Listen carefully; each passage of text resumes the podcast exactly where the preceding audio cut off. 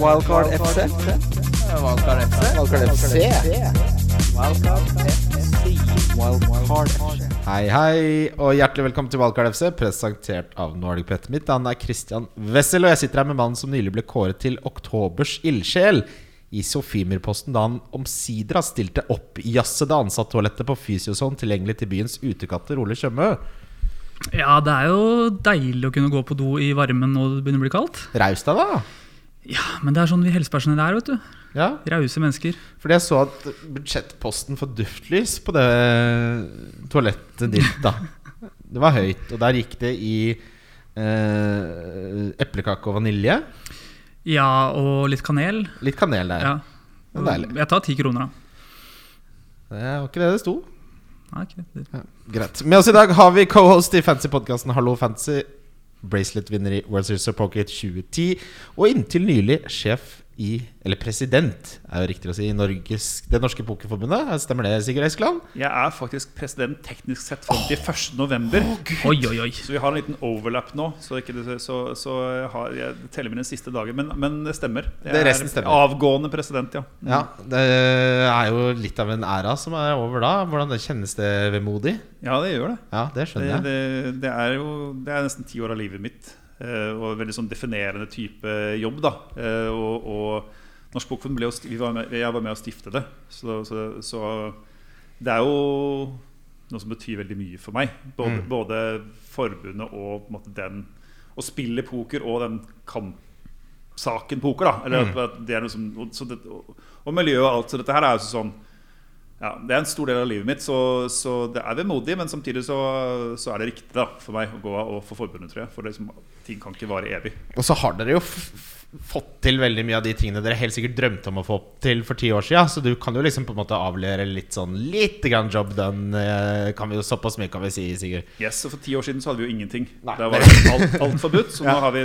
norsk mesterskap som nylig var på Gardermoen, hvor det er mer enn 3000 som kommer. Vi har lovlig hjemmepoker. Og, og også så tenker jeg at på en måte, poker eh, Pokerens plass i mediebildet og folks holdning til poker da, har snudd en del fra hvordan det var. Mm. Eh, men det er liksom litt av bakgrunnen for at det liksom kan gå av. hvert fall det, det er deilig å kunne gå av og føle at man har gjort en bra jobb. da Ja. Og, kunne, og, og, og, og på en måte ja, stå inne for det man har gjort. Det, det, det, er jeg jo glad for. Ja, Det skjønner jeg veldig godt. Jeg ble jo på, for alvor bitt av basillen da jeg besøkte NM i Dublin, hvor vi eh, ble kjent. Mm. Eh, Et av livets fineste uker, er egentlig det der. Så jeg gleder meg veldig til å eh, dra til Bratislava, hvor neste NM avholdes. Eh, Så Jeg poker er jo det er, det er et sånn miljø som Nå kjenner jo du det mye bedre enn meg, men, da, men det, er, det minner meg litt om noen andre miljøer hvor det blir litt sånn Sånn som amerikansk fotball, hvor det blir veldig eh, Altså De som holder på det, er veldig interessert. Og det koster gjerne litt mer enn å bare se på Liverpool spille på lørdager. Og da får du gjerne en type mennesker som har en del sånne egenskaper som jeg i hvert fall er veldig glad i. da De er veldig engasjerte og veldig sånn inkluderende på å få med folk med på det de eh, liker å holde på med. Så det, er liksom, det blir ganske unik stemning der. Det var liksom utrolig mye positivitet, og folk backa hverandre, og folk unna hverandre godt. Og du ble liksom kjent med 50 mennesker da på to kvelder, liksom. Og det var ikke sånn uh, fyllerør. Det var på en måte skikkelig eh, bra folk. Så det var et fascinerende miljø.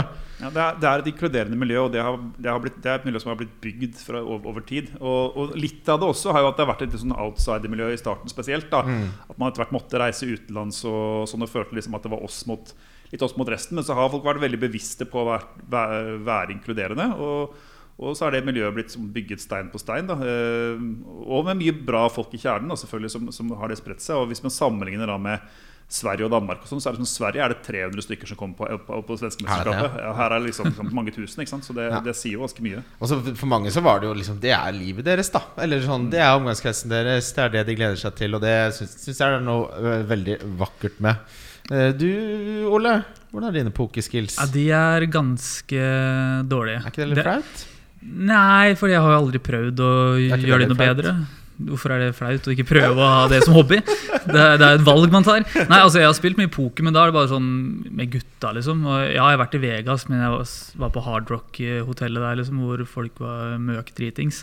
Så jeg har aldri sittet og spilt poker i sånn seriøst lag. Nei. Jeg har vært nede og fått uh, kjøttsuppe illegalt nede på Youngstorget, og da ble jeg kjefta på mange ganger. Så da Ja, for du gjorde feil, ja. Ja, gjorde Ja. feil, ja.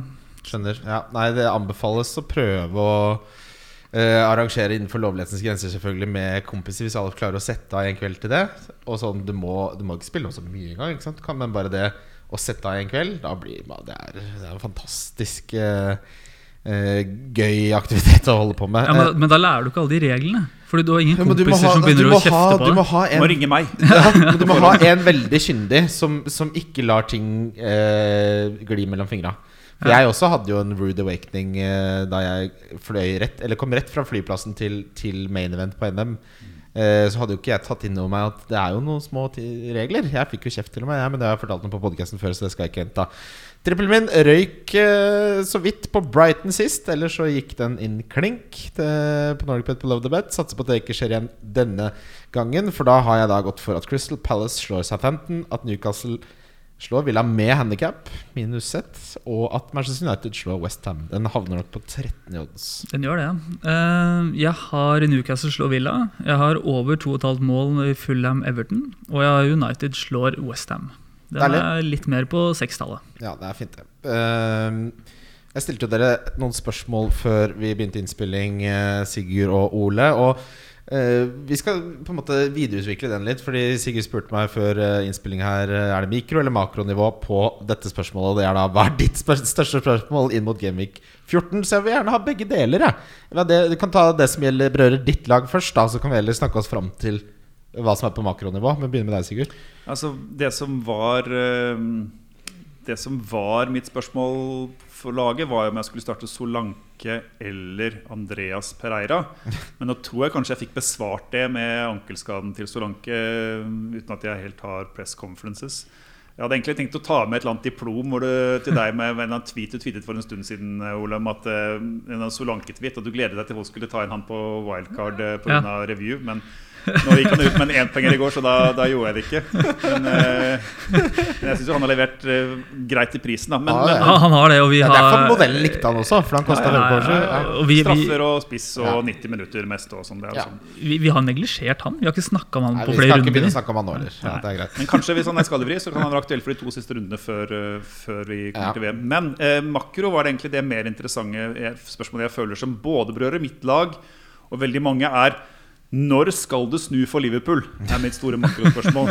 Og det, jeg har to Liverpool-spillere på laget, Mo Salah og Trent. Og, jeg er enig i at det er det viktigste makrospørsmålet. For min del så tok jeg inn Trent igjen og skulle ha han som eh, diff da i kampen mot Westham. Eh, det fungerte jo, fikk åtte poeng der. Så fikk jeg med meg at han var benket mot Nottingham Forest.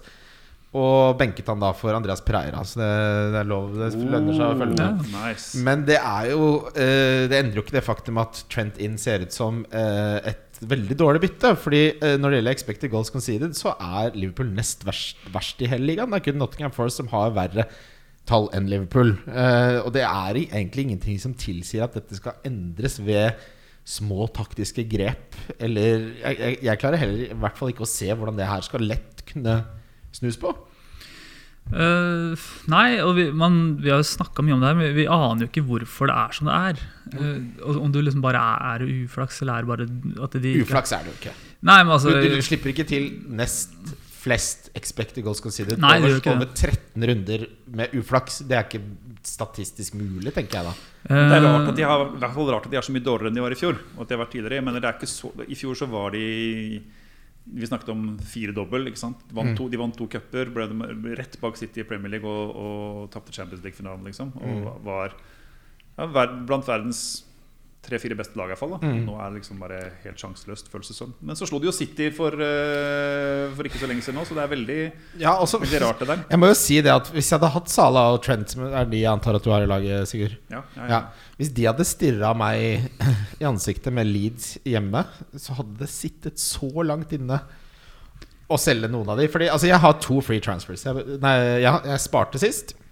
Uh, det som, altså, jeg er egentlig kjempefornøyd med laget mitt. Det eneste jeg ser på å gjøre, er tross alt til Almiron. og så, så rulle det andre byttet. For det er ikke noe mer grep jeg tenker at jeg har lyst til å gjøre. Så sier, kan man si ok, nedgrader eh, Trent da for å frigjøre penger, men da blir spørsmålet mitt til hvem? Ja, du gjør jo ikke det før Leeds hjemme. Nei, Det, man gjør ikke det. Det. Ja, bare, Og Salah altså, vi kan, det er, Jeg syns fortsatt det er kanskje Det er 60-40 i favør Haaland eh, over Salah, men det, Salah er helt greit å cappe mot Leeds hjemme. ja, jeg syns den er nærmere 50-50 òg, jeg. Det, Ja, det kan man ikke si. man kan det. Ja, men fordi altså, Salah nå har jo hva, Det er det jo bare altså, Nå spiller jeg litt djevelens advokat mot meg selv, da. Men Hå- altså, å cappe noe andre enn Haaland mot Leicester, som det er ikke så lenge siden de var det dårligste defensive laget i Premier League. Nå har det riktignok snudd veldig de siste Fem. Tre, ja, fem, ja, de siste hjemmekampene spesielt har det vært veldig mye bedre defensivt. Men det fins jo ikke en verden hvor man kan argumentere for hvorfor man heller skal kappe, cappe Salah enn Haaland. Da må jeg i så fall høre hva det argumentet er. Nei, Det er jo håp om at uh, Salah skal spille spiss, da. Ja. Ikke sant? Håp er jo liksom- ja, er det et argument? Nei, selvfølgelig ikke. Men altså, hvis vi alle hadde visst her og nå at Salah skulle starta som spiss i en sånn eh, 4-2-3-1, hadde alle cappa Salah. Men det er, det, altså, det er litt, det? er litt mer argumenter her, mener jeg. da altså, For det første så, så har jo Leicester hevet seg lite grann siste tiden. Eh, og, og jeg syns jo det er merkbar forskjell på hjemme og borte for, eh, for lagene, og spesielt for Liverpool. Ja. De Det at de slo- de hjemmekamp, slo- er jo et argument. ja, Hjemmekamp det er seinkamp på lørdag. Det begynner kvart på ni mot, eh, sant, eh, på, på Anfield der. Ja. så, så det kommer til å bli bra trøkk der. Hjemme mot. Leeds, som er på bunn. Altså, de, er, de har tatt ni poeng i år, og som sliter litt med å finne liksom, rett fasong osv. Og så, så er det jo, hvis man ser på oddsmarkedet, da, så altså, Greia er at Salah starter jo med en fordel i forhold til Haaland, fordi han får poeng hvis de skulle få clean shit, og han får ekstra ekstrapoeng per mål. Så han trenger liksom mindre i snitt da, for å få, for å få Så hvis man ser på oddsmarkedet, så ligger jo Salah bitte litt foran. Selv om han er bak på målskåreroddsen, kanskje, så, så med de ekstrapoengene så er han det, og Algoen også sier Salah litt foran. Så det er liksom sånn det er antakeligvis jevnere enn det det føles som, da når man, når man ser på hva hva resultatene har vært. Tror jeg. Men Men tenk, er du på 60-40 eller er du på 50-50 mellom de to? Jeg, det er veldig Jeg er ikke på noe 60-40 ene eller andre veien. Altså. Jeg Nei, ikke- du er med på 50-50. Ja, jeg er det, men, men, jeg, men det er liksom sånn Jeg har jo tapt 30 poeng i år på Cappe Salah. Ja. Ja, for du har fortsatt holdt på Jeg gjorde det ikke sist nå, eh. Men jeg har cappet Salah mye før, og det har jo vært ikke noe gøy. Eh, har det ikke vært. Så, men, men, men allikevel sånn eh, Hva skal man si eh, Men eh, Sigurd, vi må snakke om kvaliteten på argumentene her. Ok, Nå er vi innom De spiller på kvelden, eh, og da er det bedre trøkk. Men hør nå, Kristian. Bare, bare, bare, bare, dette er det beste argumentet. Tenk deg følelsen hvis Haaland ikke scorer i den første kampen. Sånn spiller ikke vi fantasy, Sigurd. Så Sånn har, du en, vi. så har du en hel lørdag hvor du kan bare kan kose deg og glede deg til Sala hjemme mot Leeds. Ja, hvis Haaland blanker Hvis Haaland blanker, ja. Ja. Det gjør han aldri, da. Hvis Holland, Nei, og han blanker ikke mot Leicester. Det er jo det romantiske argumentet, da. Men Leicester har jo gått fra å det det er jo mer sånn morsomt stat, da. De har gått fra å slippe inn mest mål eh, noensinne i Premier Leagues historie, første eh, syv kamper, Ja. til å være det laget med lavest expected goals conceded de, de siste fem. Jeg så det. Det er helt vilt uh, hvor fort det endrer seg. Men det har jo ikke noe å si når de møter City, for City steamroller alle som er. Men Men never back the early kickoff er jo rett og slett backet opp av data. det er ikke et ordentlig da. argument, men det er jo liksom ofte litt mindre mål der. Da. Men, men, Men det er jo hjemme, det. Hjemme, hjemme borte har noe å si. Kveldskamp, da. Eh, Hjemme borte har mye å si, mye mer enn jeg trodde. Og, ja, det har det. Og, og så Haaland har også levert bedre hjemme enn en borte, men, men altså så kan det også sies at nå hadde de jo en kamp mot Forest hvor de så, de så ikke veldig gode ut. Og de har jo slitt med å score. Det kan jo være at Klopp tenker at nå må jeg få den beste spilleren min opp og foran mål. Klarer vi å se noen grunn til hvorfor Salah spiller så utrolig bredt?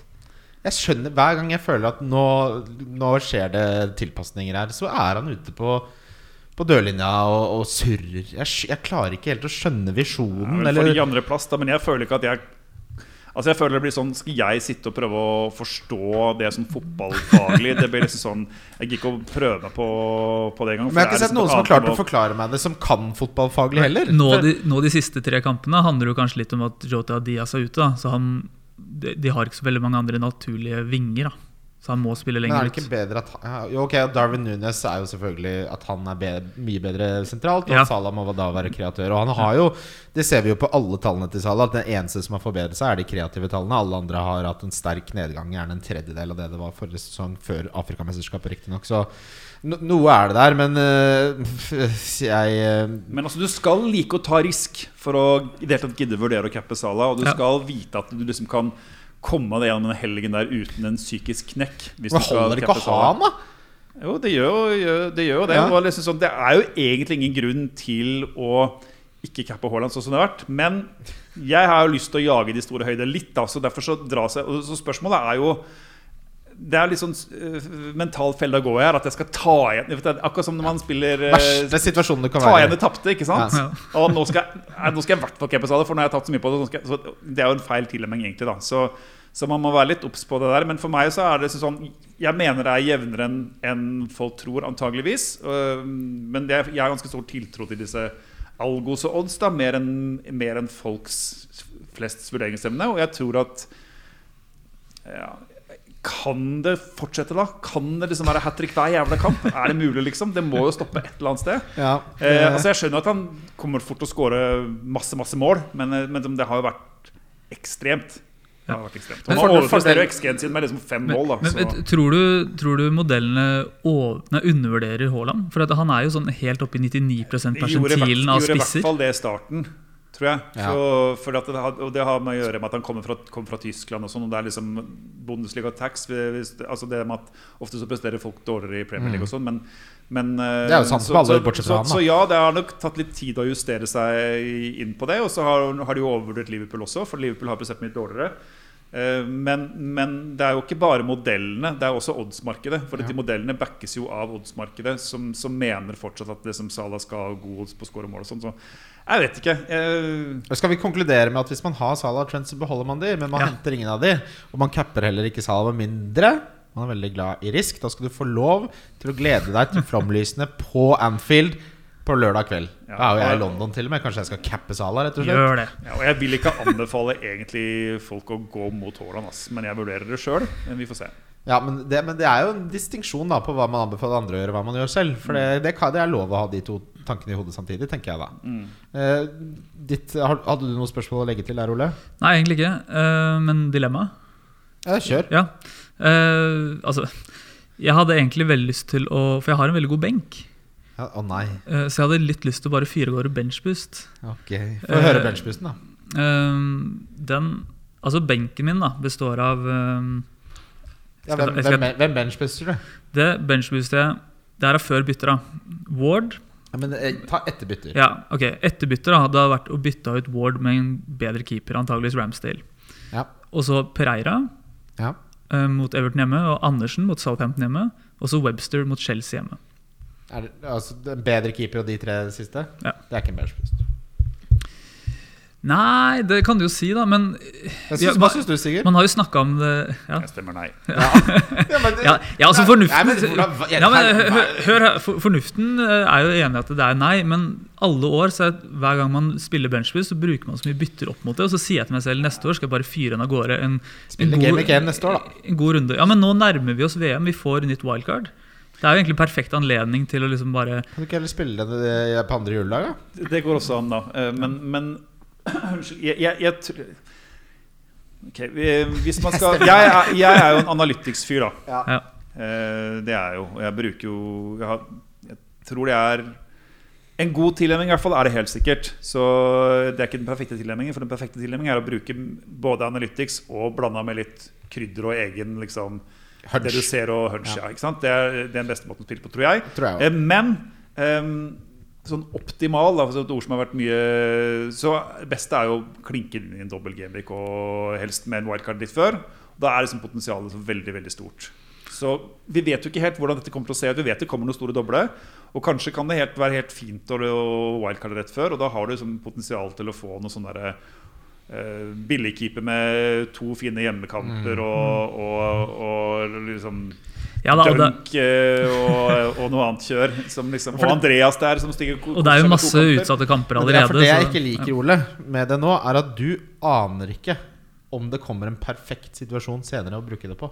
Du kan si ok, historisk sett så har man brukt mye bytter, og man har dead-enda seg litt inn i det. Man, man Du har brukt wildcardet på det òg. ja, men ikke sant Og det kan hende det blir sånn nå, men det kan jo hende, som Sigurd sier, at det kommer en situasjon som bare Å ja, faen, i år var det perfekt å bruke benchboost. Dette var den ene sesongen hvor det alt falt sånn at det ble billige spillere som var tilgjengelig. Det Ja, vet man ja. jo ikke. Hvorfor skal du forskuttere det for å spille Andersen, et Crystal Palace-lag som nettopp slapp inn tre mål mot Everton, og Webster, som har, nå er et Brighton-lag som nettopp tapte, de også? Altså det her, Jeg skjønner ikke hvor det her kommer fra. For To av ute, utespillerne da har jo nettopp sluppet inn, og dette er forsvarsspillere. Så jeg skjønner ikke hvor det kommer fra. Men det er, det er en, Akkurat et det argumentet at de nettopp har tapt, det er ikke et argument. At de nettopp har sånn- sluppet inn henholdsvis tre og to mål. Jo, jo, men det er jo veldig sånn Hva skjedde forrige runde? Altså Det har ikke noe nødvendigvis noe prediktiv verdi for Men hva som skjer videre. men- Men jeg er helt enig Nei, i resten. men, argumentet for hvorfor de skal få poeng nå, da? Men kan jeg få, si, kan jeg få komme Ja, et argument ja, her? kjør. Eh, Det som jo er et godt argument for å svi av en benchboost, er å slippe å måtte binde det opp til wildcardet senere. Ja. Ikke sant? Ja. Og Det er jo sikkert det, du har tenkt litt på også. Men det som er spesielt med denne sesongen, her er at vi får jo på en måte et ekstra wildcard Mm. med VM. Så da er du liksom du er bedre satt opp da etter VM utgangspunktet enn det du normalt ville vært midt i den julestria. For tidligere så har man, så har man kanskje wildcard i runde åtte, og så kommer man i jul, og så er det masse skader og så kjør, og så blir du henge bakpå med masse bytter. Men nå slipper man det, så nå er man kanskje i bedre shape da, til å holde det der andre wildcardet senere. Så jeg tror kanskje denne Ja. sesongen er et mindre argument for å bruke en benchbust i en sånn spot enn det det har vært før, tror jeg. Et, også for så vidt et annet argument mot det er jo også at uh, i år har man jo ganske mange gode billigspillere. Ja. Så du, du trenger liksom ikke å jeg, jeg kommer ikke til å rense opp etter VM. Jeg kommer til å ha en grei benk fortsatt. Jeg tror, uh, hvis du spør meg og Sigurd, at svaret ble nei på å spille benchbust, da. Ja. Det er, det Hvis for å svare på dilemmaet Ja. Eh, mitt var jo selvfølgelig bare Jeg har to gratisbytter. Jeg er veldig fornøyd med laget mitt. Jeg, jeg, egentlig jeg har ikke noe dilemma. Det blir, jeg kommer til Trossard til Almiron, og det er det egentlig. Ja. Det er egentlig bare Mitt eneste dilemma da er benker jeg Andreas eller Almiron i neste runde. Det er ikke et rett spørsmål. Ja, du det er- Nei, det er helt forferdelig. Fordi alternativet mitt Jeg må benke Martinelli, Saha, Mitrovic eller Foden. da Hvem er det Newcastle har? Everton? Villa det er- hjemme. Villa hjemme, ja. Villa har jo Med, blitt bedre, da. med Unar Emery. Jeg tror faktisk jeg ville benka Almiron. Ja, men jeg vet ikke, det, er viktig, det jeg finner i dødballen til Andreas, det er liksom sånn mange, Han har så mange, rut, eller mange Ja, ja. veier til poeng. Ja. Avenyer til poeng, ja. Ja. Men det, men det, det, det, jeg henter jo ikke Det er mange som er sånn «Jeg henter en spiller av må du nesten starte han. Nei, jeg gjør jo dette for jeg har to free transfers, og vi frigjør de pengene uansett. Almiron er et bedre valg enn tross alt. Da kan jeg frigjøre de pengene og fortsatt ha to free transfers inn mot neste. Ja, det er jeg helt enig i. Eh, jeg stilte også spørsmålet eh, favoritt Eller ikke, diff, ikke pøns, differ eh, fram mot eh, VM i Qatar.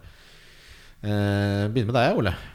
Ja, Um, jeg har da tre stykker.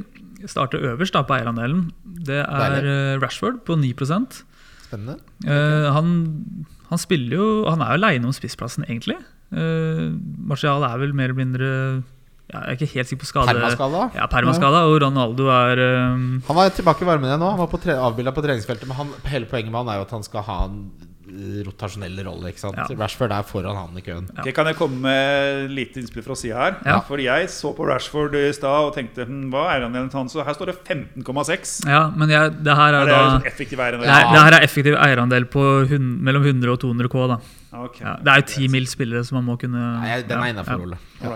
Du, du, du, kan også nevne han da, hvis du vil. Vil ja. Ja.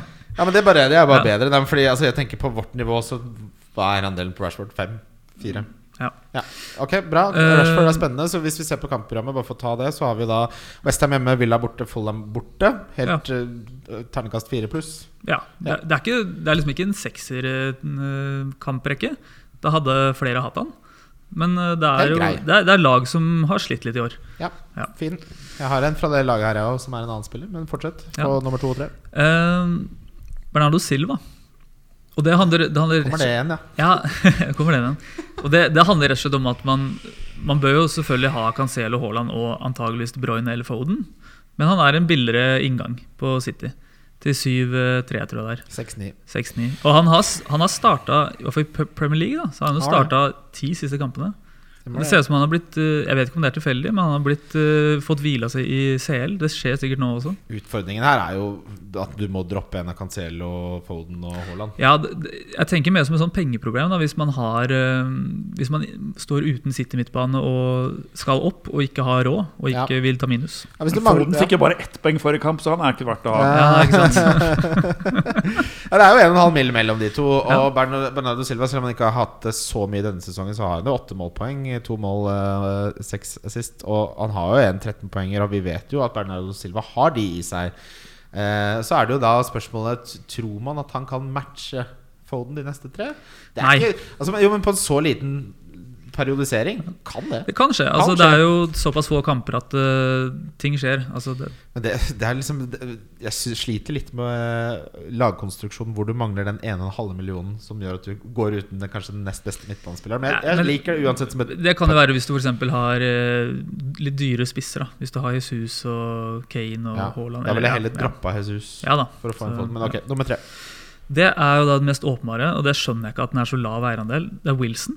Callum Wilson, ja. Fortsatt på 2,8 eller noe? Ja, Det skjønner jeg ikke. Han Det, nest best expected goal per 90 non-penalty bak Haaland. Siden han kom tilbake etter skade. og det også Kampprogrammet framover nå, det er Villa hjemme, så er det Southampton borte, så er det Chelsea hjemme. Og Newcastle ser De, de ser eh, de, Ligas nest beste lag. de ser for gode ut. De, ikke, de har ikke lov til å være så gode, de. Men kan vi være enige at det er ligas nest beste lag nå? Per nå? En power ranking? Eh, Tabellen sier noe annet, selvfølgelig, men eh, Arsenal, Arsenal er bedre. nest beste lag er det jo ikke, nei. Arsenal er bedre. Arsenal Nummer er tre, da, kan vi si. Jeg er I hvert fall oppi der og nikker. Så det er City Arsenal før jeg er 1-2 eh, nå. Ja, det er det. Jeg glemte Arsenal. Er ikke Arsenal De har ikke sett så bra ut de siste kampene. de. Ja, det, Det synes jeg. Det ikke- Ja, nå, da tar jeg veldig Newcastle-hjelmen på. Nå må vi ikke være så innmari sånn siste kampgreier, men de, det var jo De er en veldig stor forskjell borte og hjemme, da. Det var en power ranking. Ja. Veldig stor bort, eh, forskjell borte igjen på. Power ranking er jo en tabell, egentlig. Eh, Det er det funksjonen til en tabell er. Men eh, bra differ til, til oppkjøring, eller de tre siste rundene før vi har nå. Da Mine er Cal Wilson nummer én. Bruno Fernandes er min uh, nummer to. Ja. Han har da skapt så mange sjanser i det siste tre. Nå har han jo vært tilbake på dødballer mot Spurs bl.a. Og ni av sjansene som han skapte i den datasettet som jeg tok, er jo mot Spurs. Så, men dette er jo en diff, og eierandelen er på 2,3% Så vi vet jo hvor eksplosiv Bruno Fernandes eh, er hvis dette klaffer. Og har jo straffer, selvfølgelig fortsatt. Eller nå, som ikke Ronaldo spiller. Ja, ikke sant? Uh, nummer tre eh, for meg er uh, en joker. Jeg prøver meg på en Crystal Palace-spiller som har det kanskje beste kampprogrammet i Southampton hjemme og Western borte og Forest uh, borte. Ebrechi Ese. 5-5. Ja, han har jo Han, han har vært god i år, han. Han- er en veldig god fotballspiller. Og så, ikke minst så er han god på en måte som eh, gir fancy poeng. Mange som er gode. Men han Ja. spiller jo Spiller han ikke litt dypt? Altså ikke dypt, da, men han Han er spiller mye dødball, da. Det er alltid Ja. fordel. Ja. Jeg så på Palace, uh, gutta jeg og vurderte han Nesser. Det eneste som jeg synes er litt sånn kjipt med Palace, er at det virker som de, de borte gidder ikke å skru på. Høres det Ja. som det litt. Men er Det, men det er derfor jeg så, Sånn som jeg så på Saha også, da som jo ikke er uh, en diff lenger. Men borte, hjemme og borte på Saha er helt ekstremt stor forskjell. Mm. Eh, ja. Få høre dine, er du snill. Nei, jeg syns også Wilson, Callum Wilson er no-brainer her. Ja. Nummer én for alle, da. Eh, Ja, det syns jeg virkelig. Det er helt også bare altså, Det er ikke egentlig sjokkerende fordi han har vært skadet. Uh, og Det tar litt tid for folk å få justert og satt inn på en måte, når noen har vært skadet så lenge. Men, men hvis, han hadde, hvis man hadde startet friskt nå, skulle liksom alle hatt wildcard, så hadde han vært mye mye, mye, mye høyere eier. Ikke sant? Ja. så, men, Jeg er han til og med der at Mitrovic kommer til å bli Callum Wilson neste runde. Ja. Når han har City borte og Manchester United hjemme. Da tror jeg vil ha med de Callum Wilson-fiksjonene før Qatar-VM. Mm. Sorry, jeg avbrøt deg. Og så er det Rashford. Fordi at Selv om han er 15,6 eierandel, så er han bare 9% i mellom 100 og 200 000. Så da teller vi med han. Ja. Juks! Du jukser, Ole. Merker du blir arrestert av Ja, presidenten jeg her nå? skjønner. Og den Ja, ja. siste uh, jokeren Den siste Han er president, du må Ja, liksom bare la deg arrestere. nå. Ja, ja, ja. FPL-nerden. jeg, jeg, jeg, har jo, jeg er jo selvutnevnt FBL president. Det er jo mitt Twitter-handle som, uh, Ja, ja. som jeg bruker til. Og, og da tenker jeg at da kan jeg bare lage mine egne lover og regler på hva som, uh, hva som gjelder her.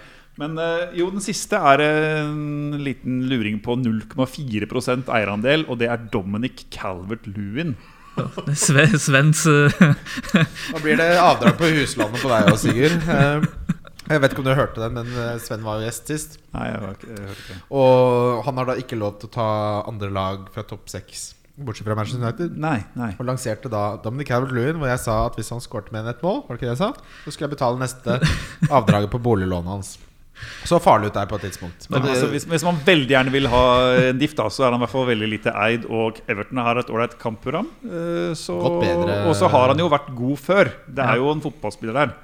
Eh, så ja. Men jeg kommer ikke til å hente han. Det gjør jeg ikke. en diff, da. Det var det oppgaven ja, var. Så du, du får bestått Ja, på den. og- Og han, og han eh, kommer ikke så gærent ut eh, sånn algomesser. Da, så det var litt det jeg så etter. Liksom sånn, at det, det kan jo komme noen points der. Altså. Veldig fint program på Everton. Mm, det er akkurat det. det er liksom sånn, Og så kom de seg ut av den derre Jeg var jo helt sikker på at Lampard skulle få sparken.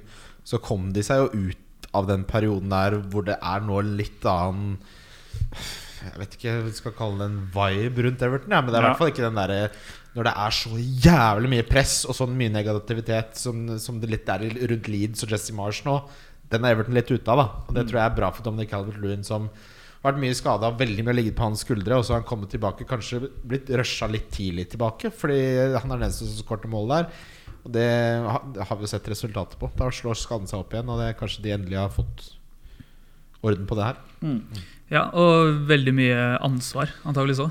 Ja, ja absolutt. Ja, Tre-fire, det ble jo Bruno, Callum Wilson, Rashford likte dere. Eh, Dominic Calvert-Lewin var vi innom. Er det noen jeg har glemt da? Ja, det var det Enighet, da. Det var, ja, ganske. Ja, ja. Det er bra. Eh, Esse. Esse. Esse. Esse må med. Eh, Miguel Almeron har skåra seks mål denne sesongen, som er flest av alle midtbanespillere. På 13 gameweeks har han allerede da registrert flere skudd i boksen. Eh, skudd på mål, store sjanser og expected goals enn han klarte hele forrige sesong. Han hadde nesten dobbelt så eh, høy expected goals som han hadde hele 21-22-sesongen. Så Almiron har jo Det er sjelden vi har sett en så enorm transformasjon av en spiller noensinne. Tror dere at eh, bakgrunnen for denne transformasjonen er Graylish sin eh, slengkommentar for eh, en stund siden? Hva, hva, hva var det? Ja, det var noe sånn der når de feide, Jeg husker ikke hvordan det var, men han ga vel sånn stikk til Alberon. da, At han aldri skåra noe mål liksom i eh, Fjollespilleren fra MLS var det ja, ikke? Ja. Så tror jeg han skåra mot, eh, mot dem. Ja, det, det er jo Men når du har så stor sample size, så begynner jeg å tenke Først så tenker man jo det er ikke bærekraftig, dette her. Ikke sant? Og så fortsetter og fortsetter det, da.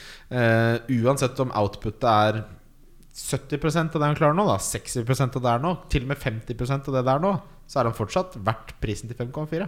Ja, sånn poengmessig nå så er han jo sikkert verdt syv mil i forhold til hva han har levert. Ja. Så Men så er spørsmålet Det Ja, mer enn det.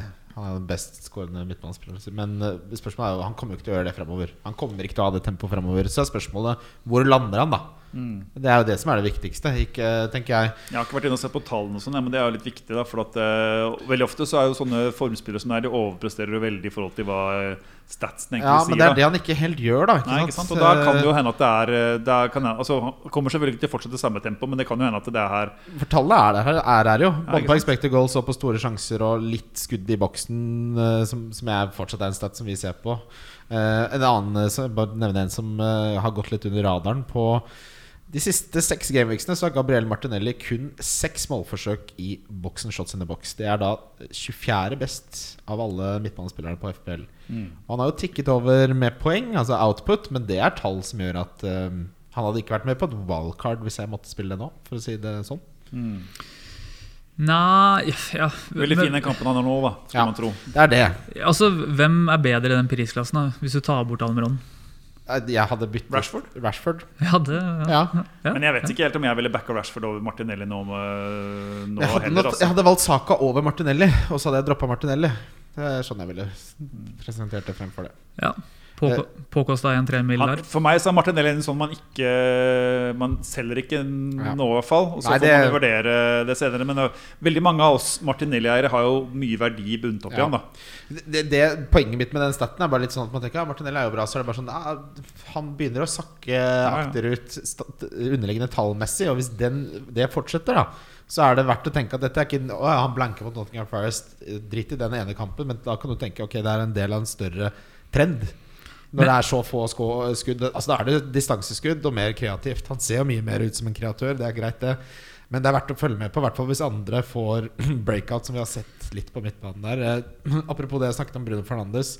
Han har da eh, skapt 18 sjanser de siste fire. Det er eh, like mange som Phil Foden og Martin eh, Ødegaard Nei, det er like mange som Phil Foden og Martin Ødegaard til sammen har klart hele sesongen. Eh, så det er helt ekstreme tall, og det vet vi at Bruno har i seg, holdt jeg på å si. Eh, nevner bare også 2,78 er da non-penalty X-gen siden Callum Wilson kom tilbake fra skade i Genvik 9. Det er da nest best kun slått av Erling Breit Haaland, bare for å ha det tallet på plass. En spiller som vi ikke har snakket om, som spiller for Liverpool. Eh, Darwin Nunes har da bruker 16,1 minutt per skudd i boksen. Det er definitivt den beste raten av alle spillerne. Det eneste problemet har jo vært at han spiller for lite minutter. Hadde han vært sikret, og vi visste at han var helt skadefri og sikret minutter, så hadde han vært en eksplosiv differential. Det hadde vært klink på alle lagene. Ja. Ja, Jeg jeg, er til og med frista til å hente noe. jeg. jeg, jeg skjønner ikke hvorfor han ikke er klink i startoppstillinga nå. Skada. Småskada. skade, ja. Ja, Hamstring. Ja, er, ah, ok. ja. er, han- er han det nå igjen? Han var ikke, han var ikke, troppen, han var ikke troppen sist. Han Han var ikke, han var ikke på, føling. Ja, nei, var ikke sant, det. benken sist, ja, ja, sant, sant. Ja, eh, Det eneste bortemålet Nottingham Forest har skåra borte denne sesongen, det er mot Liverpool. Det er ikke- Det, er jo, det kan jo det, altså det er jo sånn Det går imot absolutt alt. Altså Tenk deg det Nottingham Forest ikke skåra borte hele sesongen. Det gjør de mot Liverpool. Det er jo Det er jo sånn bisarro-sesong, Sigurd. Det er jo det, men det, det var, jeg synes det har, vært en, det har vært en ekstrem sesongfølelse som det her litt. grann. Eh, Og som med Haalands vanvittig eh, mye mål og så. Men det de setter seg vel litt etter, etter hvert, disse tingene her også, skulle man tro. Og, og, eh, men det er jo gøy, da. At eh, det er jo noe av det morsomste med Premier League det her. At eh, Nottingham Forest plutselig slår, slår Liverpool, liksom. Jeg liker det for underholdningens uh, Ja, men skyld. det er jo ikke så mange andre av disse her toppligaene i Europa hvor, hvor bunnlagene slår topplagene. Nei. Eh, nevne også Jeg nevnte det med expected goals conceded for Liverpool, men det gjelder også for eh, store sjanser tillatt. De siste seks er det kun Fulham som har tillatt flere. Liverpool har tillatt 21, Fulham har tillatt 23. Så de er, det er ikke uflaks, dette her. Tallene sier det resultatene også sier på Liverpool, spesielt defensivt. Også nevne at Newcastle har eh, ekstrem produksjon fra dødballer. De har Skapt da eh, 6,22 i XG fra dødballer, som er definitivt mest i ligaen. Også altså hele 1,5 mer enn andreplassen. Det er mye pga.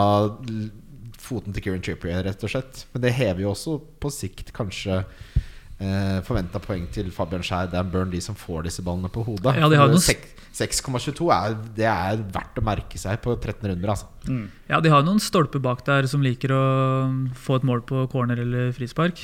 Ja, de har 24 målforsøk fra dødballer allerede denne sesongen. eh, og det, det er, syns jeg er interessant. Eh, siste mm, vil bare ta, er Nottingham Forest er da verst i ligaen på å forsvare seg på, på venstresiden. Det kan Bukayo Sako og Ben White nyte godt av hvis du vil ha til én game week. Men Forest har jo, eh, etter at de la om til fire bak, så har det snudd. Hva for hvert fall sånn tallene for dem. da De gikk jo fra å ha de klart verste defensive tallene til å ha tall på lik linje med Chelsea. De gjorde noe grep der. Så de, de la jo om fra 3-5-2 eller hva de spilte, til 4-3-3 eller Ja, de la om til firebackslinje, i hvert fall. da Jeg hørte, jeg hørte på, I bilen hit så hørte jeg på Totally Football Show, og da snakket de om den Beste Forest-. Forest Det er den beste podkasten. Jeg koste meg veldig med den. Jeg synes det Nummer én. Eh, og da, da snakket de om at eh, Forest mot, eh, mot Liverpool hadde spilt med tre defensive midtbanespillere foran den der fireren. Da. Mm. Og det var liksom mye av bakgrunnen for at de klarte å være mer solide og, og, og vant måte litt midtbanekrigen her. Da. Så det er, liksom sånn, det er ikke alltid at formasjonstallet Eller altså tallene i formasjonen er det som egentlig sier mest om hvordan Men man heller hvem liner opp. som be bekler Ja, og. Ja. og hvordan de liksom taktisk sett stiller opp i den formasjonen. Ja. Det blir jo spennende om de gjør det samme approach mot Arsenal. Du vil jo tro hvorfor endre på det. Tipper det, de, de, Arsenal, altså jeg tror at Men det blir jo tøffere Det blir tøffere å møte Arsenal på Arsenal er mye bedre. Ja, og- Eller og- og offensivt har de prestert bedre. Og, ja. og som, det er jo Det der er jo For disse nyopprykkede lagene, uh, disse hjemmekampene altså det, er det, det er alltid trøkk på tribunen, men det virker som det er et vanvittig trøkk på noen av disse her uh, hjemmekampene. Altså, det spesielt, altså, Ja, er for- der er det en Premier League for heksegryte- første gang på 30. Heksegryte, liksom. Smeltedigel. Smeltedigel. der. Smelte, Midlands eh, smeltedigel. Smelteheks. Den sitter. Den er fin. Ja, vi skal gå videre til lyttespørsmål. Spørsmål? Lyttespørsmål?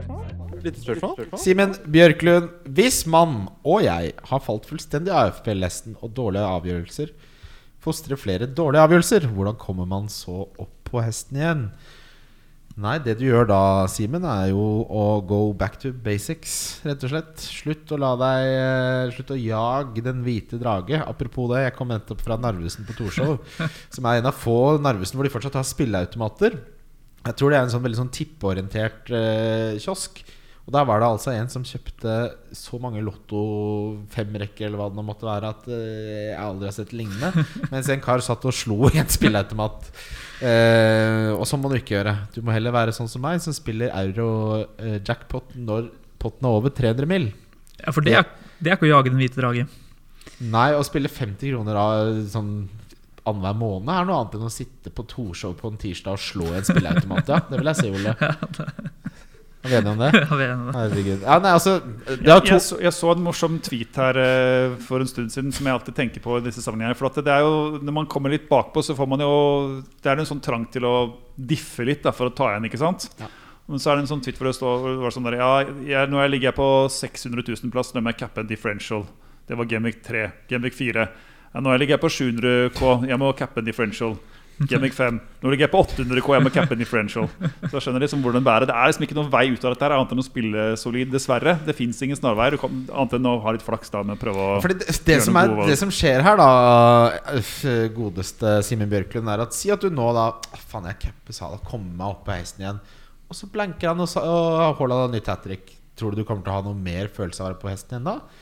Altså, også det, du også, ofte, det du også gjør da, når du på en måte har litt den tilnærmingen, er at da har én gameweek så jævlig mye å si for deg. For det er sånn Nå skal jeg tilbake igjen. Og da begynner du å miste det litt, da. Ved å ha den kortvarige rusen. Men det man, eh, måten man skal komme seg opp på hesten igjen, det er jo nå etter VM, så starter jo alle som det skulle vært Game Week 1. Ja. Da lager du nye ligaer, da. Ja, akkurat det. Lag en liga sånn herfra ut sesongen. Jeg skal starte og- ny, ny ligaer for de, alle som ligger over en million. Jeg. Ja, Gjør det fra Game Week 17. Det er Jeg skal det. nydelig. Det er planen, det. Ja, gjør det, da. Eh, jeg skal gjøre det, men det du, Gjør også, det du også gjør, Simen Bjørklund, er at du hører på tipsene våre om eh, differ. Og så velger du et par av de nå inn mot VM, og så satser du på at ekspertene Dominic Calvert Dominic Calvert-Lewin, Callum Wilson og Bruno Fernandes få det inn i laget. Sakte, men sikkert. For en liten minus fire der, så får du dem inn alle tre. Nei da, men du kan gjøre Bare ikke, ikke ta store risiko med capen, f.eks. Men å få inn Callum Wilson og Bruno Fernandes er ikke det dummeste jeg har hørt. Nei, Nei, det er bra. Og, og, og nå er det jo sånn at nå kan man jo faktisk diffe litt i kantene av laget, Fordi at eh, nå får man uansett uh, gratis wildcard. Nå er du i en ideell situasjon og gjør litt sånn små housekeeping.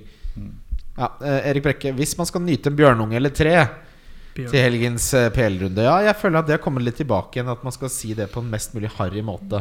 Jeg føler Ja. at det er sånn døden på Oslo S-quote. Ja, ja Alle gikk jo rundt og snakka om fellingstillatelse på bjørnunger og knerte noen brunsnegler, og det var jo så Knekke en, harry. knekke en stolpe. Det har jeg aldri hørt før. Snu sånn, noen brune. er det mysen, eller? Kvele noen rødskatter. Nei, shit av meg. Uh, det han spør, er hvilket snacks slash annet munngodt Det er Munngodt er vel verre? Hva er det som snakker sånn? Bør, uh, sorry for at jeg slakter hele spørsmålet ditt før det stilles, Erik Brekke. Jeg ser du alltid er uh, ivrig, så jeg skal si det på en hyggelig måte. Hvilke snacks eh, til øl bør man kjøpe inn? Det er jo egentlig det han spør om. Svaret på det er uh, popkorn. Har jeg fått helt totalt uh, oppheng i nå. Kjelepoppa med uh, rørosmør, og ikke vær for ivrig på saltet. Det sitter som en påle. Den sitter fint, da. Snackschips. Hva er det? Det er den der gule Det er Kims, tror jeg. Oh, ja, den der den som er mindre fett, men tre ganger så mye salt? Ja, Ja, den, det tåler ikke blodtrykket mitt, rett og slett. Altså, i- Pistasjenøtter. jeg, har- jeg har ikke godt av det her, men, men jeg er hele mitt liv altså bare chips. Og det var sånn sørlandschips, f.eks.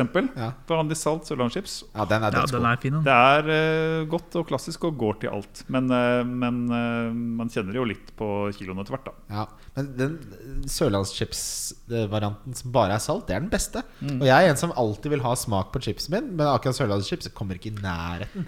For det er et eller annet de har i den klassikeren der som er utrolig god. Det er en grunn til at de prøver Det kommer hele tida nye smaker og forsvinner igjen. Den består. alle har ramsløk. Ja, faen, ramsløk kjør, altså.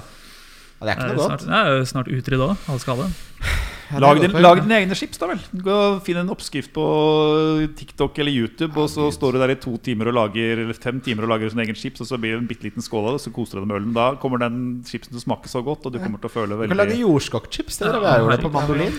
Det, det kan du gjøre. Nei, men altså, seriøst, lag kjelepopkorn. Koster ingenting. Det er deilig Det som er digg med pop- kjelepopkorn, er at du får jo se det poppe i kjelen. En lyd nå buldrer det godt i smeltedigel, sier jeg alltid hjemme. Nå buldrer det godt, sier jeg! Husk å ta på lokket, da. Du må huske å ta på lokket, ja. Ja. Og så og Og så er det alltid sånn fint når du begynner med popkorn. Så er det litt sånn pent og litt sånn ett korn her og sånn. Og på slutten, da er det pappagrepet. Den kloa som bare tar Den har dypt nedi. Skal, skal spise popkorn med en gang jeg kommer hjem. Det første jeg skal gjøre. Uh, se bort ifra pengepremien. Hva hadde du helst ønska deg? Vinne World Series of Poker Main Event eller bli nummer én i FPL? Spør Jonas Aasland deg, Sigurd.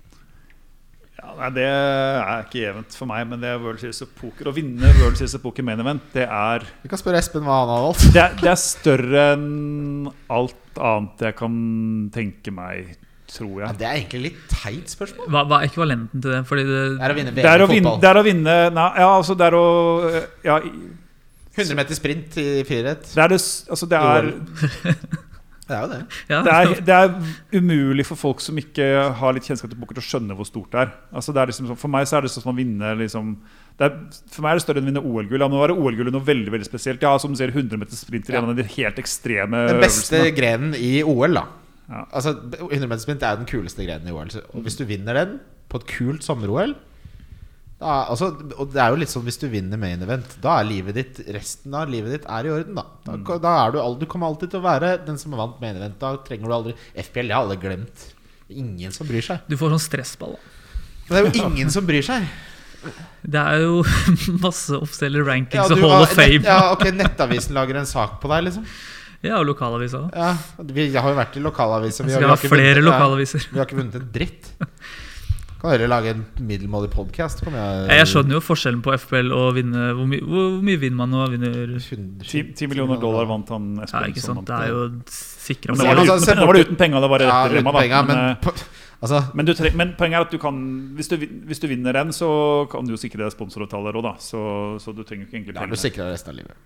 Du er, Ja, ja, du er det. Det. Thomas Hårstad spør topp tre poker tells, gjerne med eksempler fra filten hvor du benyttet dem. Thomas, ja. Han kjenner jeg jo. Eh, Det er morsomt, da. Pokertales er det morsomste med poker. ok, men topp tre pokertales. Uh, Se på korta en gang til. Um, ja, altså eh, Ok, men før så var jeg Jeg er jo tidligere profesjonell pokerspiller. da Og en av de tingene som jeg prøvde å bli god på, var å se på folk og prøve å få noe ut av det. Så jeg har brukt en del tid på å prøve å lære meg dette her. da eh, Det handler jo om kroppsspråk veldig mye, men en ting som man i hvert fall kan se veldig mye på, er som øyne, øyne og øye, øyekontakt. Men greier er at det er ikke sånn at Altså man alle tells må settes i sammenheng med ting, og man må på en måte lære seg å forstå litt den personen for å bruke dem. For at det som er et tell for deg, kan være et annet type tell for en annen person. Men øynene, hvordan de ser på øynene, det, det er noe å se på. De stirrer veldig, f.eks. Og det er sånn, er sånn fight or flight-greier, da, som er litt i psykologien. At når man, sant, når man er Eh, når man føler seg truet, så, så kan man være veldig stirrende og konfronterende. For eksempel, og en del sånne ting. Så man liksom, følger med på øynene til folk. Følger med på hvordan man setter skjetonger inn i potten. Den klassiske eh, tellet er jo at man er liksom aggressiv når Kaster man er inn. svak. Nei, altså dytter hardt Ja. inn når man er for å bløffe, for å liksom vise, vise styrke. Ja. Og at man skyver dem forsiktig inn når man er sterk. Det Ja. er den klassiske, da. Men man må igjen følge med på å finne mønstre, mønstre i sånne ting. Også, det, det, og det beste tellet du kan ha noen gang, er hvis noen skjelver på hendene når de setter inn penger i potten. Da har de pocket Ja, der har du meg. Der har du meg. Det er ikke fordi du bløffer, men det er fordi at du blir så altså, Gira. Ja, Man får en sånn reaksjon da, som tar litt tid eh, å bli kvitt, som er sånn instinktivt. Og blir liksom gira av det du får, og du klarer ikke å la være å skjelle ut på hendene. Så det er en classic. Ja, fordi det, det som er på store, så bytter de bord hele tiden. Og det merket jeg, jeg Det jeg gruet meg til, var å bli bordene ble brutt opp. Fordi veldig ofte så er det mye enklere å spille når du kjenner litt tendensene til folk. Og på denne så var det bare at alle likte hverandre så godt. Så vi ble liksom venner på en måte der. Men på dag to der, da jeg kom videre på dag to, da var det solbriller, hette, ørepropper og alt. For jeg merka bare Det her må jeg bare uh, av eh, Jeg må sette meg bak en mur. Men samtidig så kan man jo tenke også er Det er jo et tell i seg selv, det. En som må dekke til både øyne og, og ører. Ja, litt kanskje på at man uh, føler seg ukomfortabel. i den, Men, men det er jo bra at det leke er, kul, altså. Det høres ut som meg. Jeg bare prøvde å leke kul. Det høres veldig ut som meg. Men da, Ja. da ser man det vel veldig på, på hendene, da, hvis eh, liksom alt er dekka til ansiktet. altså Greia er at man bør jo se på mest mulig alt hele tiden hvis man orker, men det er det å skulle sitte tolv timer en dag og følge med på alt, det er Ja. ganske slitsomt. Så hvis man ikke har måtte... Det varer mye lenger enn folk tror. Ja. Du Ja. sitter der. Så sitter man er, jo en del på tele man er jo en del på telefonen der underveis og Ja. sjekker Twitter og andre ting og sjekker om det er kommet noen nye skader på Solanke og sånn Ja, ja, eh, mens man holder på. Men det er jo det Så- som gjør det så gøy, Fordi når man blir på en måte komfortabel nok til det, så er det jo sånn Det er både pokeraspektet, og så er det sånn Du er kanskje involvert i to hender da på en time. Ofte ikke, ikke det engang, nesten.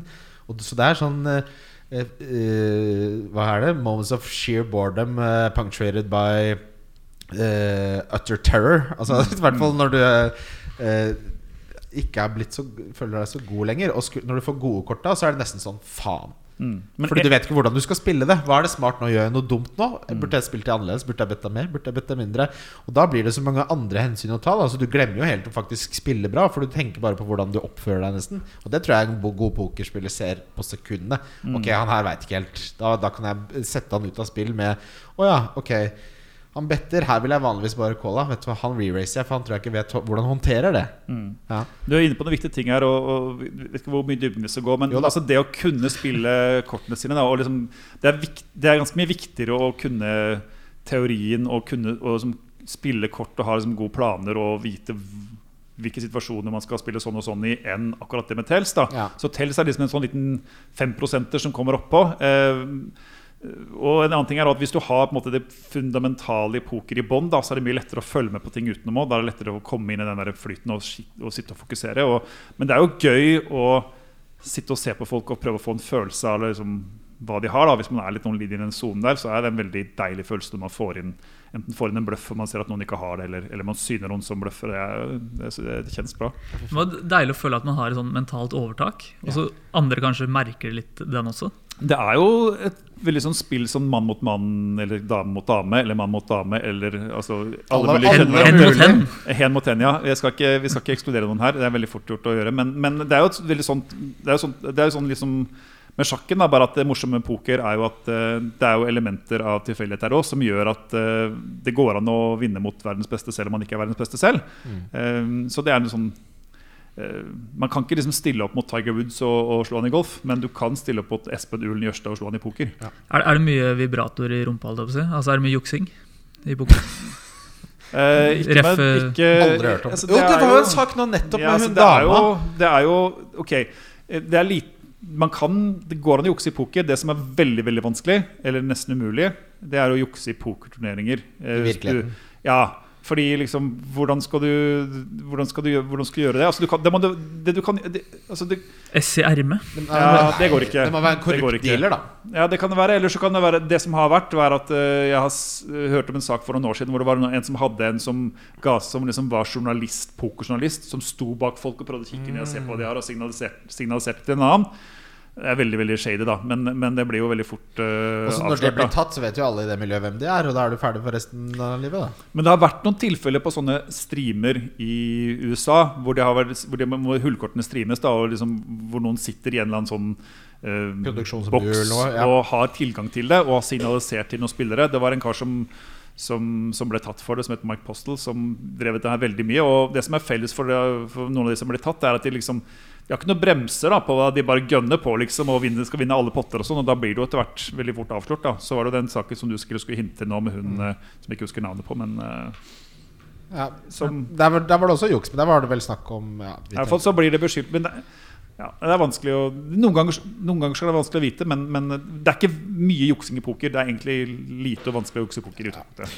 Eh, siste lyttespørsmål fra Facebook og Twitter. Eh, er det for mange fancy eksperter der ute? Hvordan vil det påvirke spillet på sikt når alle ekspertene fronter de samme spillerne, så alle velger det samme? Eller har det ingenting å si, spør Kristel Lindqvist. Det er, det er et tema jeg har sett være litt oppe på Twitter og sånn, at det er ekstremt mange som vil lage content om Twitter, og mange som egentlig strengt tatt bare kopierer andre sitt og legger på, sitt, uh, legger på litt uh, egne ord og sånne ting.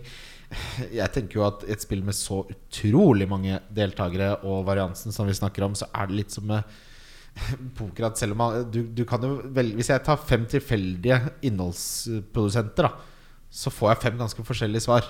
Eh, og hvem av de jeg velger å høre på, er jo ikke gitt. Altså, jeg, jeg, jeg tror ikke det er et problem. Jeg vet ikke hva du tenker. Ja, altså, de fleste eksperter er jo ikke eksperter, for å være de, ganske gjetter- ja, de har en liten sånn hjemmesnekra modell, og så har de lest et, en artikkel, og så er det sånn Sånn er min metodikk. Og så bare ja, Ok, bra. Altså Vær kritisk til content creator, sier nå jeg. Altså Ja. Veldig mye av det som uh, presenteres, er uh, Mye av det er for kliks og sånn. Eh, ikke sant? For eksempel sånn, En sånn klassiker som du ser på Twitter, er sånn derre Captaincy debate this week. Skal vi ta den eller den eller den? Det er bare for å liksom ha noe. ikke sant? Alle veit at Cappe Haaland, i hvert fall i en runde hvor han Men så putter de på den andre. altså Det er veldig mye sånn som liksom lages for å lage content. Og så er det mange av disse her som ok, de har slått seg fram og, og fått en uh, stor følgemasse videre, men, men som kvaliteten på egentlig på avgjørelsen deres er litt vanskelig å gå i sømmene av. Selv om de til og med kan ha en bra record eller hatt noen bra finisher, så er, kan det være litt tilfeldig òg. Så, så vær kritisk til det du leser, og, og, og, prøv å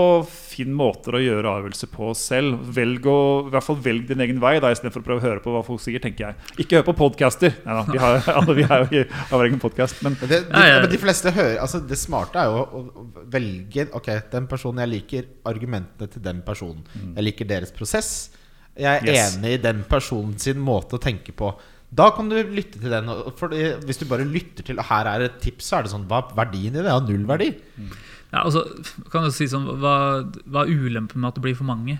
Det er ikke sånn at um, det, det har ikke tak, på en måte. du Altså, gidder bare- ikke høre alle uansett. Nei, nettopp. Ikke sant? Det er det det ender med. At uh, du, Så må du bare velge de du liker. Ja. Men, jeg- men jeg mente ikke det jeg ikke hører podcaster, men det jeg alltid gjør når jeg hører podcaster, er at jeg hører podcaster for å få andre innspill, og så tenker jeg sjøl mens jeg Ja, hører. Og så ja. får jeg kanskje ideer, og så tenker jeg kanskje dette er jeg ikke enig i. Men, Ja, men det viktigste er jo å tenke litt sjøl oppi det her. Da, eller men det har jeg gjort en del på Hallo Fancy. For når jeg er sånn 60-40 på en beslutning, så hører jeg på hva Sigurd synes. Og det er liksom tungen på Vestfold. Uh, vi, Ja, det var skal- hyggelig. ja, hyggelig. vi skal videre til rundens spillere. ja, jeg har noen Å ja, unnskyld. Ja, ja, du, Vi må ha litt dårlig tid. Eh, Vi skal ikke videre til rundens spillere helt ennå. Nei. Rasmus Wold. Eh, Er han Du, ja, han gjør det bra om dagen. Ja. Du må snart komme på besøk, Rasmus. Fortsett. Uh, ja, Han lurer egentlig på hva tallene til Pereira Det har vi snakket om, men han spør også blir man lurt til å benke han pga. prisen. Ja. Og det, det tenkte jeg litt på. at det, Han burde jo sikkert kosta 5-5. Ja, han er feilpriset. Ja. Det er ikke noe tvil om. Og hadde han Eh, kostet, og jeg hadde betalt 5-5 for han, så hadde jeg ikke benka han. For meg så er eh, For en analytics-fyr som jeg driver med, så er det veldig lett ofte å benke fordi jeg ser liksom på algoene. Og så er han der han skal benkes. Ja, han er den som kommer dårligst ut, det benker han. Og, er litt- og ofte så kommer han eh, men, men altså, pris skal jo ikke ha noe å si for benking, egentlig. Nei, Og det er jo en sånn folk- typisk felle å gå i. Det er tryggere for folk å benke en til 4-6 enn det er en til 7-5. Ja. Det er det. Ja, for det ser, det ser mindre dumt ut med sånn tipoenger fra han som stirrer Men i benken. da har jo noen tatt på en måte en vurdering for deg. da Fordi det er sånn, åh, jeg klarer ikke å velge mellom de to. Så bare, ja, men Han koster mindre, så det må jo ligge noe i det. Men jeg tror også det har vært vanskelig for, for oss alle å justere seg etter hvor god Fulham egentlig har vært. Da. Ja. Så det, så de ligger jo Jeg husker ikke hvilken plass det ligger på, sånn sjuende eller et eller annet. Eller i hvert fall, i hvert fall ligger de, de, ligger ikke, de ligger kanskje ikke så høyt, men de ligger i hvert fall på øvre halvdel, gjør de ikke det? Ehm, og det å liksom vite det fra starten av sesongen at det skal være så bra, de skal produsere så mye sjanser, og han skal slå til så mye etter den tiden han hadde i Manchester United, det er jo som ikke gitt det. Så det er først nå vi ser ok, her er det her er det noen som kan startes i elveren. da Ja. Og I en annen sesong hvor det ikke har vært så mange gode midtbanespillere, så hadde han kanskje vært en man spilte oftere òg. yes. Altså, han er jo også Han spiller jo en tier med dødballer. Ikke sant? De pleier jo aldri å være prisa til 4-5. Som oftest når du får en som scorer et par mål, eller har et par målpoeng til den prisen, så vet man dette er ikke bærekraftig. De avenyene til poeng er ikke her. Mens med Andreas Pereira så har han de. Han tar jo alt av dødballer. Ja. Og er god på de også. Ja. Eh, Håkon Rugelbakk, eh, hvor mye penger bruker Bobo på restaurant i uka, og hvordan går det med det under tresifra målet på vektskåla? Parentes, hvordan våger jeg? Uh, fint spørsmål. Jeg, jeg har uh, Under tresifra på vektskåla er jeg ikke. Det, og nå innrømmer jeg til Sigurd at jeg har blitt litt uh, Blitt litt mye, mye ja, Vi har kosa oss mye i helgene, kan vi si. Og restaurantbudsjett, det har jeg ikke noe budsjett. Jeg jobber hardt. Så det, Ja. Good. ja, det er deilig. Uh, vi skal videre til rundens Runden, Runden som kommer. Det er runden, rundens FC. Runden som kommer. Yes, vi begynner med kaptein. Da begynner vi med Sigurd. Og visekaptein. Uh, Nei, jeg Nei! på, Nei! Nei, Hva skal jeg si da? Jeg anbefaler vel egentlig å cappe Haaland, da. Men uh, kan hende at uh, jeg havner et annet sted sjøl. Men uh, det, det Har du meg spilt inn med Martin ennå denne runden? Nei, denne nei, nei, nei. Jeg vet at han kommer til 100 cappe Haaland, i hvert fall. Vi, skal, Ja, vi spiller Men på fredag. Du, jeg har hørt mye på Du kommer til å snakke deg inn i Mohammed Salah, sikkert. Jeg tror jeg tror kanskje det blir Salah Cup på meg, men Ja. jeg vet ikke om eh, men, men, men da skal jeg Altså Det skal passe på at jeg er mentalt i balanse før jeg går inn i den Ja, fordi, la meg stille deg det spørsmålet her, da. Eh, har du litt den at du kan nyte noen bedre øl? På en fredagskveld og kose deg litt, og kanskje så er det, så er det litt godt linne hjemme, og så, og så bidrar det litt til at man får lyst til å ta litt mer risiko enn man vanligvis ville gjort. Kan vi, la meg stille på det, eh, den måten. Nei, Nei. det er ikke, ikke det hele tatt. eh, Noe som spiller inn for mitt vedkommende. Men altså oh ja, så hva, du sa jo noe nå om ja, men Det er mer det at det liksom sånn man går inn, Hvis man går inn i en helg da, og skal cappe Salah over Haaland nå, så vet man liksom at du kan få tre mål og to assist imot og liksom tape 20 poeng på det.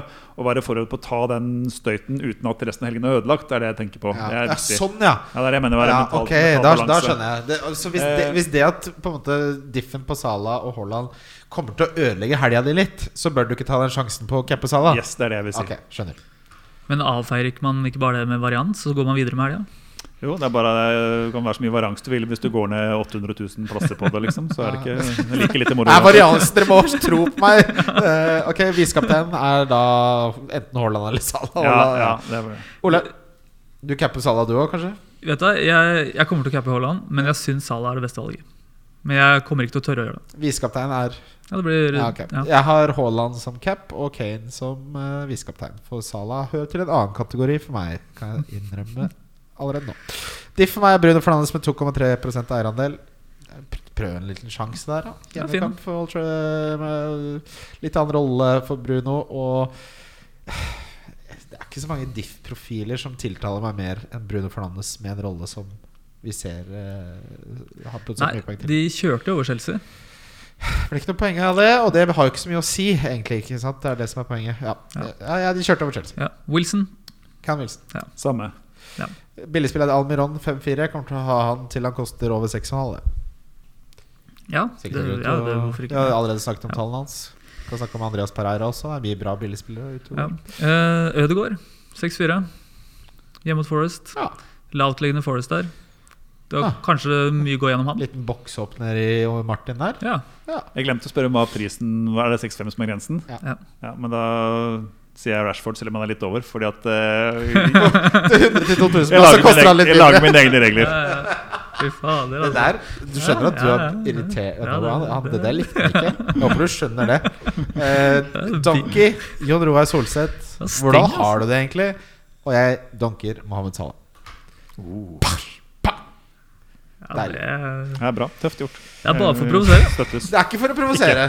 Har du ikke hørt meg snakke om Sala denne runden? Ja, men jeg synes det er tøft dunka, jeg. Det er, men, det er ikke Men du selger den ikke? Du hitter den ikke Jeg har den ikke. Ja, det ikke, nei. Han Jeg har vært inn og ut av det laget mitt som er kjerkerotte. Saha. Hjemme Hjemme, ja. mot Southampton. ja. Ja. La meg stille deg det spørsmålet her, da, Sigurd. Hvem ville du benket av Andreas og Saha? Eller hvem ville du spilt for å stille for Sa jeg, Nei, jeg sa uten tvil. Jeg syns ikke det er i nærheten av å være close engang. jeg er helt enig. Jo Straffer, hjem, hjemmefordel. Det er Men jeg veldig, skjønner veldig hvorfor. hjemme. Men i, Duncan Donkan to bortekampene, da. Det er, Nei, jeg vet ikke om jeg vil Duncan hjemme. Men uh, Salah har også hjemmekamp på å ta straffer, så det er jo ikke um, argument. Ja, Så er det prisforskjeller, da. På 6,5. det, det, det er det du alltid sier. Ja, prisforskjell på 0,9 der. Ok, uh, Donkey for deg var Perisic. Fint. For en umulig spiller å forholde seg til. Ja, det er bare aldri vet du om han starter eller ikke, og alltid blir bytta av og på tidlig. Og, Helt umulig å forholde seg til. Ja, så Og han, ja, det eneste spilleren jeg har sett som har fått målpoeng, må endte opp med to poeng likevel. Ja, altså sånn Ja, nei, det der er toget jeg aldri vil være med på. Akkurat som toget til Mysen. ja, det, Sigurd, det var en fornøyelse å ha deg med. det var veldig, veldig hyggelig. Det var, og, og, det var veldig Kjempehyggelig. Jeg gleder meg til du skal tilbake. Så Ja. er, ta, ta, ta dette litt på alvor, Det er veldig hyggelig. Takk for at dere hører på. Lykke til i helga. Husk at det er midtuke, og ikke gjør noen ting før fredag kveld tidligst. Wildcard FC. Wildcard FC. Wildcard FC. Wildcard FC. Wildcard FC.